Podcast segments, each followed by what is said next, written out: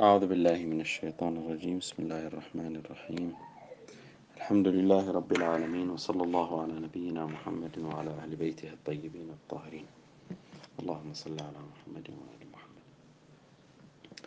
كنا نتحدث حول الآية الثانية من آيات سورة نوح وهي قول الله قول الله سبحانه وتعالى الآية الثانية والثالثة قول الله سبحانه وتعالى قال يا قوم إني لكم نذير مبين أن اعبدوا الله واتقوه وأطيعون.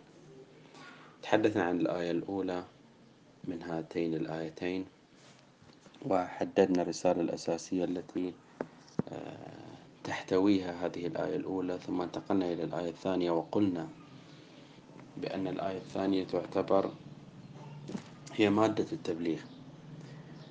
بمعنى أن في الآية الأولى كان النبي يريد أن يهيئ قومه يعلمهم بأنه قد اكتسب وظيفة جديدة أو كلفه الله سبحانه وتعالى بوظيفة جديدة. وهذه الوظيفة الجديدة هي الإنذار آه، والتوضيح لهم. يوضح ماذا ينذر ماذا؟ قال أن اعبدوا الله واتقوه وأطيعون. قلنا أن هنا ثلاثة بنود أساسية في هذه الدعوة المباركة هي عبادة الله وتقواه والإطاعة. تحدثنا عن الأمر الأول أو البند الأول وهو مسألة عبادة الله سبحانه وتعالى وما يرتبط بهذه العبادة وأن المشكلة الأساسية المرتبطة بقوم نوح هي الشرك في العبادة. الشرك فهم يقرون بوجود الله يقرون بألوهية الله سبحانه وتعالى ولكنهم يشركون مع هذه الألوهية ألوهية أخرى أو يعتقدون بألوهية أخرى. البند الثاني في هذه الدعوة وهذه الرسالة هي تقوى الله. قال أن اعبدوا الله واتقوا التقوى في دلالتها اللغوية بمعنى الخشية بمعنى الخوف يقال اتقى بالشيء يعني جعله وقاية. اتقيت الشمس بيدي بمعنى أن جعل أنني جعلت يدي وقاية عن الشمس. اتقى بالشيء. ويقال أيضا اتقى الشيء يعني حذره أو حذره وتجنبه. اتقيت الضربة بمعنى تحذرتها وتجنبتها. إذا التقوى الخشية والخوف وتأتي متعدية بالباء وتأتي بغير التعدي. اتقى الشيء واتقى بالشيء. على هذا التوضيح اللغوي ماذا يكون معنى هذه الآية؟ واتقوا بناء عليه يمكن أن نقول بأن قوله واتقوه وهو البند الثاني بمعنى بمعنى اخشوا الله واحذروه وتجنبوه. أن اعبدوا الله واتقوه يعني اعبدوا الله واخشوا الله واحذروا الله وتجنبوا الله. ولكن هنا يمكن أن يأتي في الأذهان سؤال هو كيف أو لماذا يأمرنا الله سبحانه وتعالى بخشيته والخوف منه والحذر منه وتجنبه؟ أليس الله سبحانه وتعالى هو الرحيم الرؤوف آه الذي يرحم العباد لا يظلمهم لا يتجاوزهم؟ لماذا يأمرنا وكيف يأمرنا بأن نخشاه ونخافه؟ كأنني أقول لشخص احذر ذاك الرجل. هل يمكن أن نتصور أن الله سبحانه وتعالى يحذرنا من نفسه؟ لا يحذر من نفسه هنا بل يأمرنا بأن نأخذ الحذر منه وأن نخافه. أين هي الصفات الإيجابية التي يتصف بها الله سبحانه وتعالى؟ فلماذا يحذرنا من نفسه؟ لماذا يقول اتقوني؟ لماذا يقول اخشوني احذروني وتجنبوني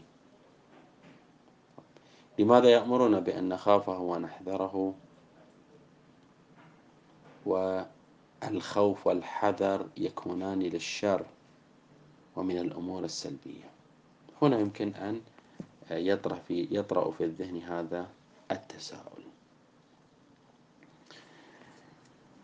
حتى نجيب عن هذا التساؤل ويستقيم المعنى وفق الأدبيات الدينية ووفق آه، السياقات القرآنية. نقول أن معنى التقوى واتقاء الله لا بد فيه من تقدير متعلق للتقوى. يعني لا بد أن نفترض أمرا محذوفا مقدرا ينبغي استحضاره في أمرنا بالتقوى. فقوله اتقوا الله يعني اتقوا عذاب الله أو غضب الله أو أي شيء أو أي أمر سلبي يمكن أن يقع علينا نتيجة مخالفة أمر الله. إذا بهذا التقدير يصح هذا التعبير المتداول في أدبياتنا الدينية والإسلامية. فقولنا اتق الله يعني لا أنه اجتنب الله وإنما احذر غضب الله احذر عذاب الله بالاجتناب عن هذا الأمر. كما هو رائج في أوساطنا نقول يا فلان اتق الله بفعل هذا الأمر. يعني اتقي غضب الله من خلال فعل هذا الأمر المحبب إليه أو من خلال ترك هذا الأمر المرفوض إليه. إذا في البند الثاني هي دعوة من الله سبحانه وتعالى وأمر من الله سبحانه وتعالى بأن تحذروا غضبي تحذروا عذابي الذي قررته عليكم. هذه نقطة ترتبط بمسألة آه، تقوى الله سبحانه وتعالى. نقطة ثانية يمكن أن آه، نستوحي من هذا البند وهو بند تقوى الله سبحانه وتعالى. أن رسالة نوح كانت تتضمن تشريعات آه، إلهية قوانين إلهية بين قوسين ما نعبر عنه بالفقه. هنا طرح بعض المفسرين هذا التساؤل هل كان في رسالة نوح عليه السلام ودعوته؟ هل توجد هناك تشريعات؟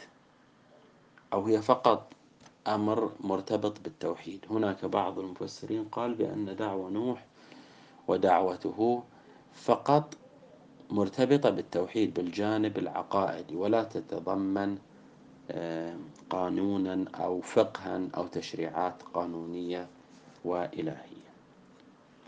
ولكن يمكن كما قلنا أن نستوحي من هذا البند من قوله واتقوا الله بأن هذه الشريعة بأن هذه الدعوة وهذه الرسالة تحتوي على تشريعات إلهية من قوسين فقهية ولكنها بصورة مبسطة أولية.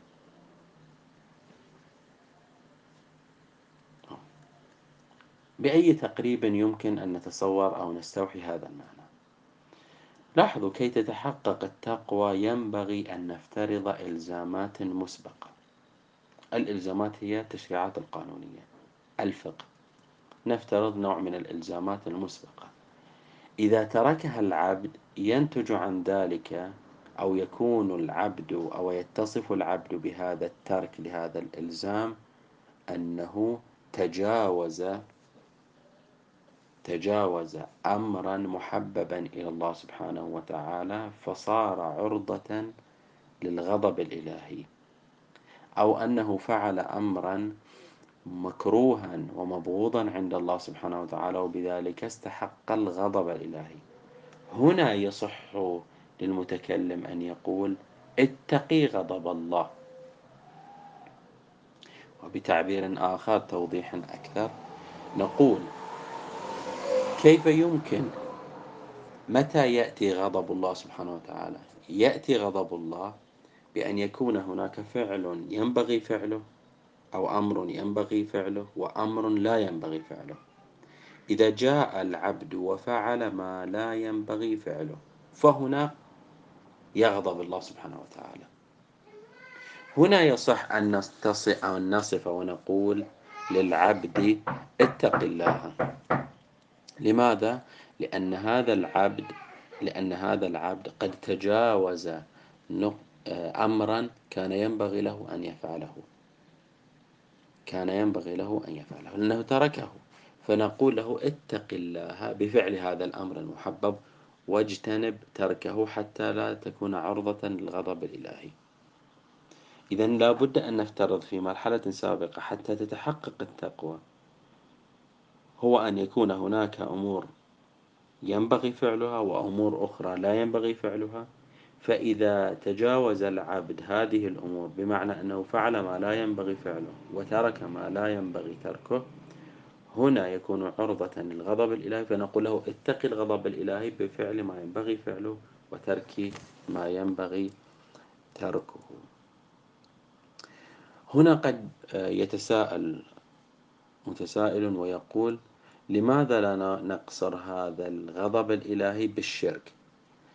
في المقطع الأول أو في البند الأول بحسب التعبير قلنا أن الله سبحانه وتعالى أمر بالعباد قال أن اعبدوا الله واتقوه يعني اتقوا غضب الله من خلال عبادته من خلال عبادته. هنا نقول لا معنى في الواقع.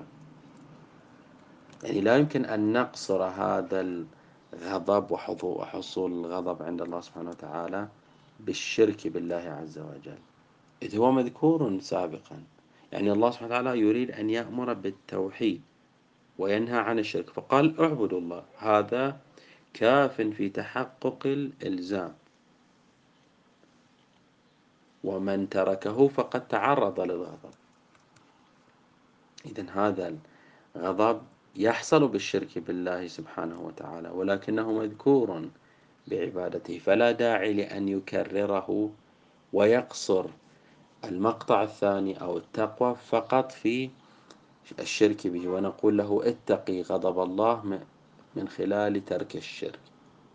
إذا فلا بد أن يكون هناك إلزامات أخرى غير الشرك بالله سبحانه وتعالى وترك الشرك بالله سبحانه وتعالى.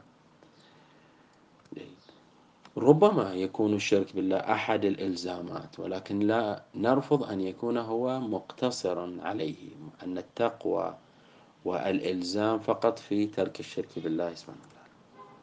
وهذا لا يعني أن هذه التشريعات التي افترضناها وهذه الإلزامات التفصيلية أو هذه الإلزامات أن تكون تفصيلية بالمعنى الذي قد يتبادر أذهاننا. يعني لا نقول بأن نوح لديه تشريعات معنى لديه تشريعات تفصيلية في كل واقع. لا وإنما قد يكون في الأمور الفطرية ينبههم لا تقتلوا النفس لا تأكلوا أموال الناس لا تتعدوا على حقوقهم هذه الأمور الفطرية التي أودع الله سبحانه وتعالى فينا. ركز عليها نوح وبعث بها وأمره الله سبحانه وتعالى أن يذكر الناس بها ويقول لهم اعبدوا الله اعدلوا اعدلوا بين الناس لا تقتلوا النفس التي حرم الله لا تأكلوا أموالكم لا تتعدوا على الآخرين وهكذا. إذا هذه التشريعات ليست بالضرورة.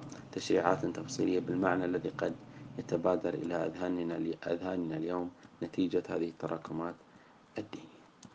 ويؤيد هذا الأمر بأن نوحا عليه السلام يمتلك شريعة ولو بشكلها وصورتها المبسطة ما اشتهر بين العلماء من أن كل النبوات جاءت بتشريعات ولو متناسبة وتلك الحقبة الزمنية التي بعثوا فيها. إذا يمكن أن نستوحي بأن الأمر بالتقوى هو أمر وإشارة إلى هنا أن هناك إلزامات وتشريعات إلهية آه، للناس.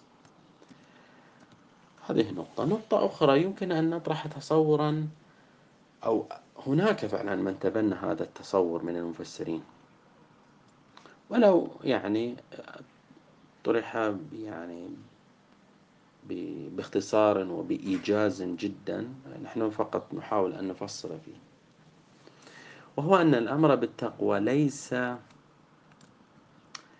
آه، أمرا مستقلا بجانب الأمر بعبادة الله والطاعة وبتعبير آخر. يعني لا نقول بأن رسالة نوح مكونة من ثلاثة بنود أو ثلاثة أمور عبادة الله والتقوى والإطاعة كما قلنا سابقا. وإنما نقول هي مكونة من أمرين من بندين إطاعة الله سبحانه وتعالى عبادة الله وإطاعة, وإطاعة نوح عليه السلام. التقوى ماذا نفعل بها؟ نقول التقوى هي في الواقع جاءت ليس من مضمون الرسالة وإنما هي موعظة للطاعة ولبيان أهمية الطاعة. فالأمر بالتقوى ليس أمرا مستقلا بجانب الأمر بالعبادة والطاعة. يعني ليست بندا ثالثا. إنما هي للوعظ وبيان أهمية إطاعة النبي نوح وأهمية أن يطيعوا نوحا عليه السلام. فنقدر الآية هكذا. أن اعبدوا الله ثم نستطيع أن نضع فاصلة. واتقوه وأطيعون. إذا هناك أمران إطاع عبادة الله والإطاعة. وهذا التعبير واتقوه مرتبط بالإطاعة. كيف أقرب هذه الفكرة التي يعني يمكن أن نستوحيها؟ لا أعرف يعني لا أحمل يعني مفسرا معين لكن هنا يمكن أن نستوحيها من بعض الكلمات أو نعمقها من بعض كلمات المفسرين. كيف؟ لاحظوا اعبدوا الله هذا بند ثم فاصلة نقول واتقوه وأطيعون. وهذا يستعمل في التعابير العربية. فالواعظ يقول لمن يعظه اتق الله وأدي صلاتك. اتق الله وصم شهر رمضان. اتق الله وأحسن إلى الفقراء. اتق الله ولا تظلم. فهنا ليس أمرين. عندما يقول لي الواعظ اتق الله وأد صلاتك. وإنما هو أمر واحد. هو أمر بأداء الصلاة. فهو من باب الوعظ يقول لي يقول لي اتق الله يا فلان وأدي صلاتك لأن تاركك للصلاة خلاف التقوى. فإذا ليس أمرين أمر بالتقوى وأداء الصلاة وإنما هو وعظ وتنبيه من على أن لا يترك الصلاة مخافة غضب الله سبحانه وتعالى. وبالتالي قوله هكذا نقدرها. اتق الله واتقي غضب الله بأداء الصلاة. فلماذا لا يكون معنى هذا المقطع هكذا؟ قوله واتقوه وأطيعون. بمعنى اتقوا غضب الله من خلال إطاعتي. من خلال إطاعتي. فإذا نوح يكون بناء على هذا التصور المحتمل فنوح مأمور من قبل الله سبحانه وتعالى بإبلاغ أمرين فقط العبادة وطاعة الأنبياء. وعندما أن أراد نوح أن يبلغ رسالة الله في هذين الأمرين قال اعبدوا الله أن اعبدوا الله واتقوني واتقوه وأطيعوني. يعني اتقوا الله من خلال إطاعتي. فلما أراد أن يبلغ رسالة الله في الأمر الثاني صدر كلامه ببيان أن مخالفة أوامره ومخالفة أوامر الأنبياء خلاف للتقوى الإلهية. إذا هذا احتمال يمكن أن يطرح في هذا السياق. نكون هنا قد انتهينا. إذا الأمر الأول بند الأول هو عبادة الله. البند الثاني تقوى الله. البند الثالث هو الإطاعة. قال وأطيعوني. هنا أيضا يمكن أن نتأمل مجموعة من التأملات. الأمر الأول من الواضح أن أمر نوح لقومه بإطاعته بوصفه نبيا. يعني بوصف نوح نبيا لا بوصفه الشخصي. يعني لم يقل لهم هكذا رغبة في لنفسه وفي نفسه أن أن يطيعوه حتى في الأوامر الشخصية وبكونه نوح ابن ابن لامة حسب ما يذكر في اسم والده. إذا من الواضح أن أمر نوح له لقومه بطاعته بوصفه نبيا من الأنبياء لا بوصفه الشخصي. وهنا نقطة مهمة. يعني لماذا تصورنا وافترضنا أن نوحا عليه السلام أمرهم بإطاعته بوصفه نبي يعني ما وجه الإلزام لهم بالإطاعة. هو كونه نذيرا من الله سبحانه وتعالى. يعني قوله وحكاية القرآن عن عنه بقوله إني لكم نذير مبين. هذه حيثية الإلزام. لأنني نذير مبين فأطيعوني. وإلا كيف يمكن أن نتصور أن شخصا يأمر آخر بإطاعته ويكون نفس الأمر هو سبب الإلزام. وبتعبير آخر وبتعبير آخر كيف يمكن أن يكون الملزم لطاعة نوح هو نفس أمره؟ فيقول لهم يا قومي أطيعوني. يأتي تساؤل يسأله يقول لماذا نطيعك؟ فالجواب هكذا أطعني لأنني نذير مبين لأنني مبعوث من الله سبحانه وتعالى. إذا فالإلزام في إطاعة نوح جاء من طرف ثالث. هذا الطرف هذا الطرف هو الله سبحانه وتعالى. هذا الطرف هو الله سبحانه وتعالى. هذه نقطة. إذا هنا الأمر بالإطاعة لوصفه النبوي لوصفه مرتبطا بالله سبحانه وتعالى. حتى ندفع آه، إشكالا يمكن أن يتصور نتصور. النقطة الثانية والتأمل الثاني هنا لابد أن نتساءل عن متعلق الإطاعة. في أي شيء يطيعون.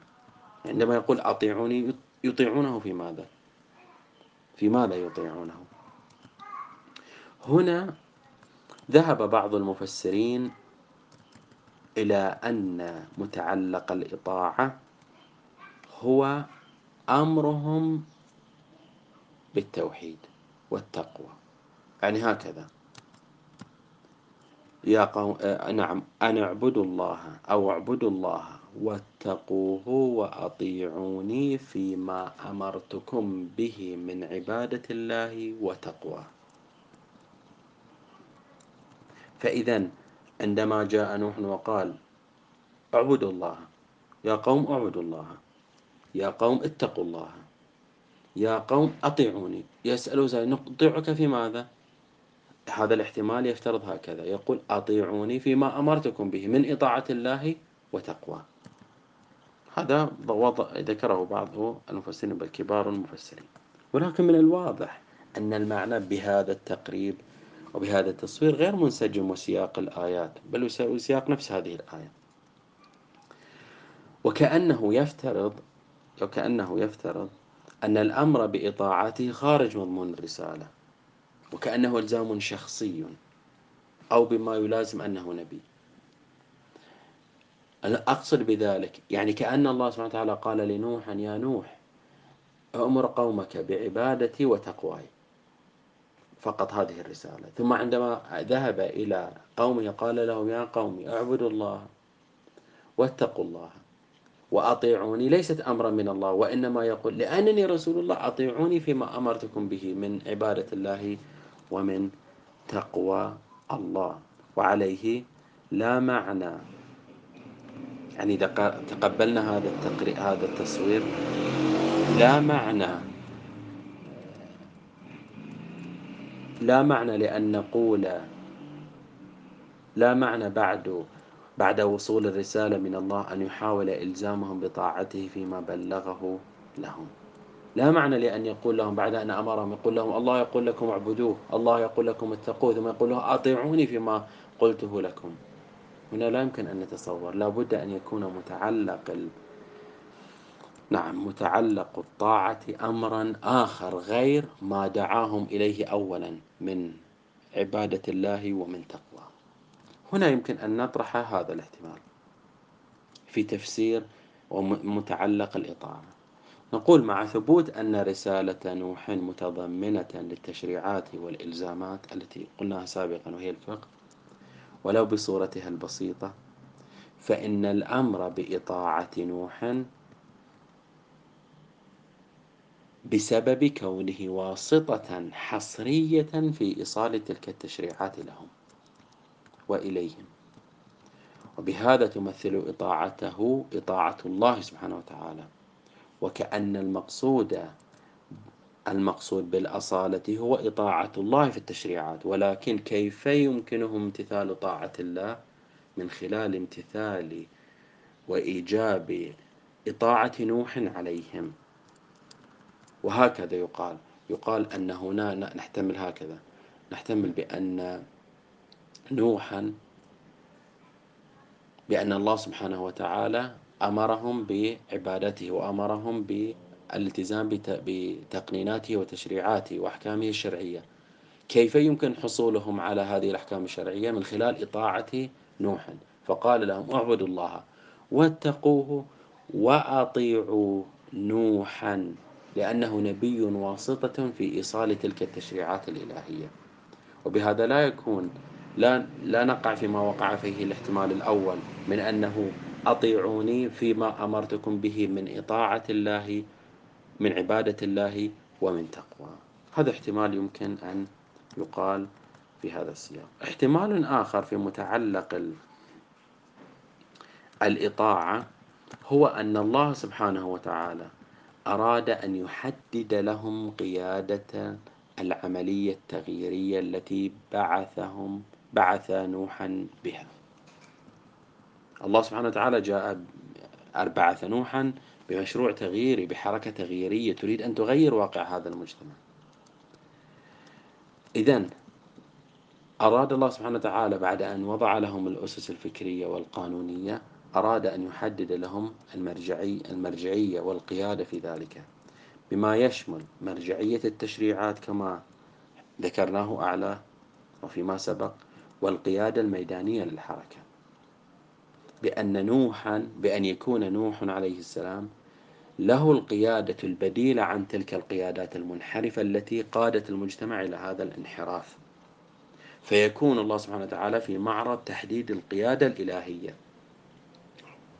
القيادة الإلهية الشارحة للتشريعات والقيادة التي تسير حركة المجتمع نحو الخلاص من العذاب الإلهي. وما هي القرينة على أن الله سبحانه وتعالى أراد أن يحدد القيادة لهذا المجتمع. بدليل أنه أو بقرينة أنه في الآية العشرون هكذا قال. في, في نفس السورة قال قال يا نوح قال نوح رب إن إنهم عصوني واتبعوا من لم يزده ماله وولده إلا خسارة. نوح كان يمتعض وكان يتلظى من قيادات منحرفة كانت تحاول أن تتجاذب القوم في في قبال دعوته.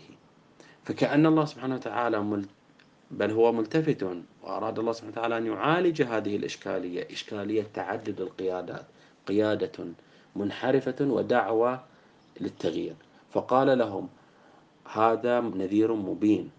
واعبدوني مضمون الرسالة اعبدوني واتقوني وأطيعوا هذا الرجل. بمعنى حددت لكم القيادة التي ستقود العملية التغييرية وهو نوح. أطيعوا نوح.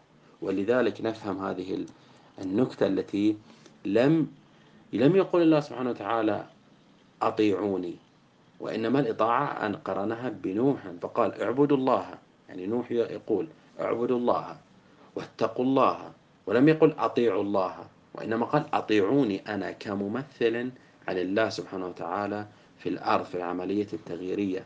ولا تطيعوا ولا تتبعوا من لم يزده ماله وولده إلا خسارة. إذن ربما آه، وربما هذا هذه الآية تؤيد هذا الطرح وتؤيد هذا الاحتمال. إضافة إلى ذلك أن الأمر بالتقوى مقيد. لا عفوا مطلق غير مقيد. فقال الله سبحانه وتعالى أطيعوني. وقال نوح أطيعوني ولم يقل أطيعوني في هذه الزاوية دون هذه الزاوية. فهذا يعطي مؤشرا ويعطي احتمالا بأن الله سبحانه وتعالى كان في سياق في سياق تحديد القيادة وإطاعة القيادة في كل جهاتها. تبقى يبقى هناك أيضا نقاط للتأمل. نتركها إن شاء الله. سبحانه وتعالى للجلسة القادمة. والحمد لله رب العالمين.